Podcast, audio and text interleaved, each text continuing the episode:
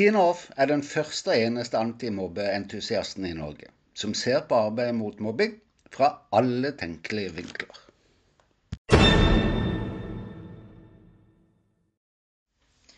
I dag har jeg bare lyst til å starte med å takke så mye for innspill og tanker etter forrige episode. Jeg setter så stor pris på hver og en jeg har fått.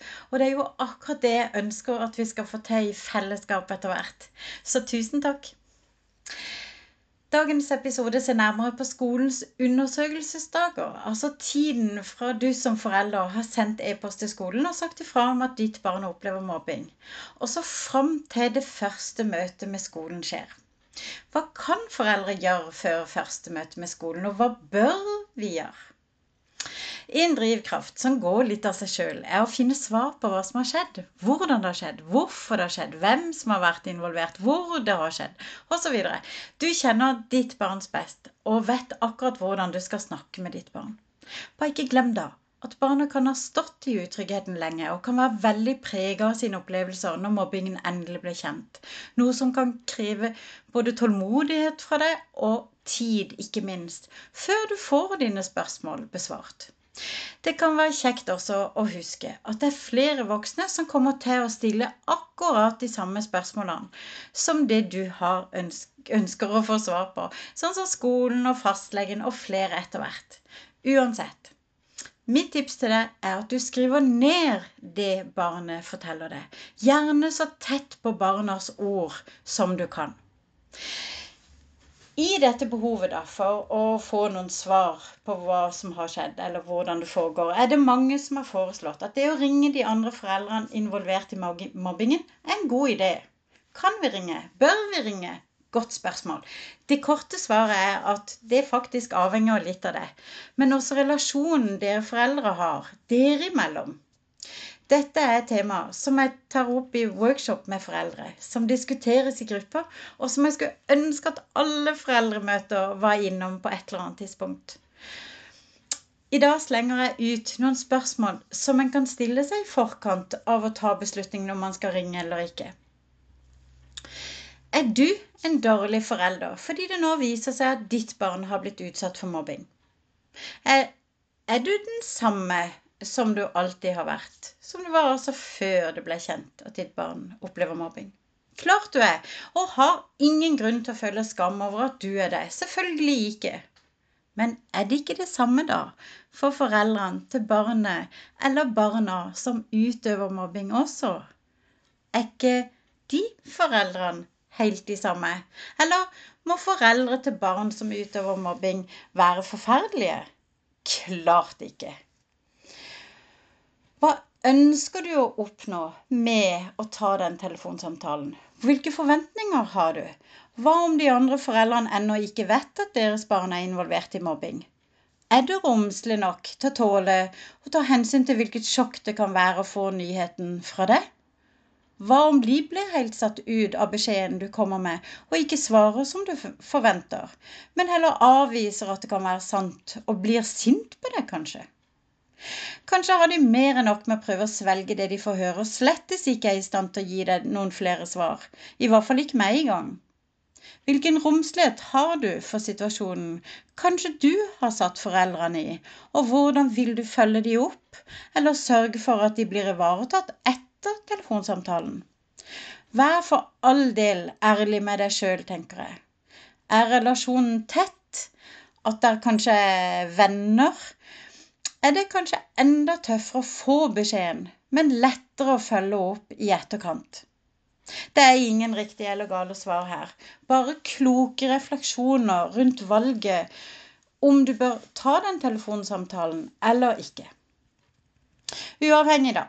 Om du tar den telefonsamtalen eller ikke, vil du nok gjennom jungeltelegrafen allikevel finne ut litt av hvert ganske fort.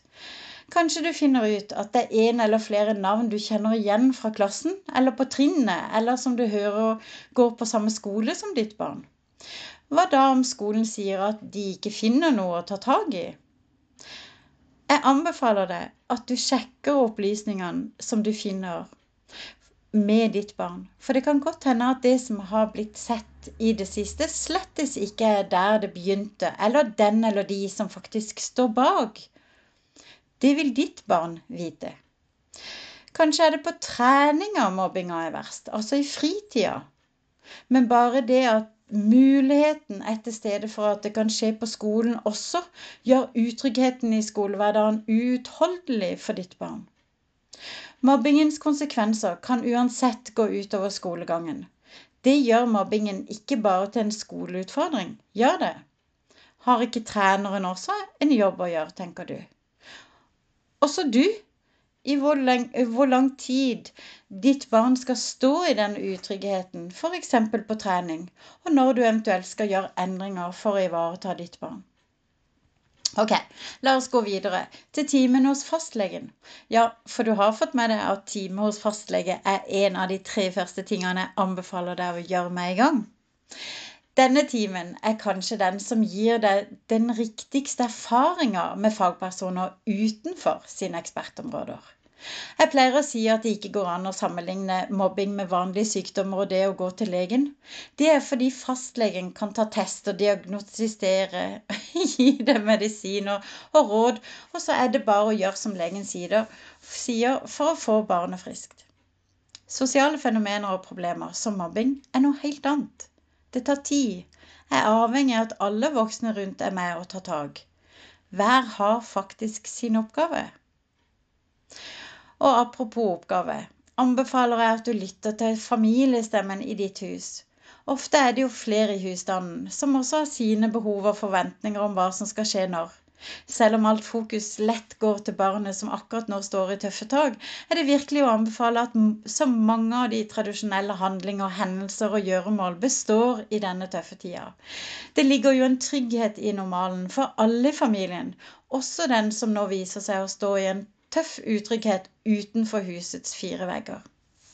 La oss avslutte med oppsummering og hvordan det du har gjort, har forberedt deg allerede til første møte med skolen. For det første, du har allerede snakka med barnet flere ganger og notert deg barnets versjon av det som skjer. Ta disse notatene med deg. Punkt to. Du har vært hos fastlegen.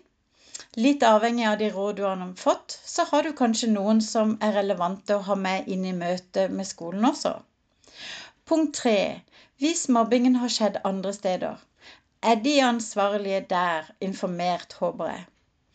Kanskje har de satt i gang tiltak eller har planer om det, som også kan ha betydning for det skolen setter i gang. Punkt fire. Din jobb i første møte er å være barnets stemme og fortelle hvordan barnet opplever sin situasjon i skolen. Deretter er det å bli med i diskusjonen om hvordan skolen skal ta tak i situasjonen, tenker jeg. Å gjenopprette trygge og gode skolemiljø er skolens jobb for ditt barn. Akkurat som treneren må ta tak i sitt miljø. Fastlegen tar tak i barnets eventuelle helsekonsekvenser, og du sjøl tar tak i resten av døgnet. Til slutt, og jeg vil du skal lytte godt nå. Hver instans, skole, fastlege, du som forelder, treneren osv., har hver sin oppgave i det å få ditt barn bedre. Akkurat som deg er alle disse instansene utenfor sine ekspertområder når det gjelder mobbing og dets konsekvenser.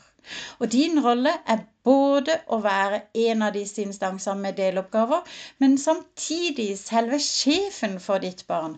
Og dermed også å samle alle tråder og holde alle i gang, for tiden er jo viktig. Blir det mye? Føles den plutselige helomvendingen overveldende? Det er naturlig, men det gjør ikke at oppgavene forsvinner, dessverre. Vær den sjefen som du sjøl ønsker å møte. Lytt og vurder opp mot ditt barn og situasjonen. Ja, det er krevende til tider. Hvis det blir for mye, stopp opp, lukk øynene, pust godt inn og ut et par-tre ganger. Og tell så høyt. Fem, fire, tre, to, én. Og så tar du tak i én oppgave om gangen. Ikke mer. Kun ett skritt av gangen. Det holder. Neste uke ser vi på aktivitetsplanen, som mange har etterspurt allerede, og som skjer, eller som kommer på banen allerede første møte. Og lurer du på noe i mellomtida, så finn meg nå i sosiale medier. På Facebook-siden Hoffutvikling, eller på Instagram og Twitter som et hofftine. På LinkedIn som Tinehoff, eller send meg en e-post til tine.hoffutvikling.no. Men nå Du har sikkert flere ting å ta tak i i dag. Er du klar? Si høyt til deg sjøl 5, 4, 3, 2, 1 og gå i gang. Én ting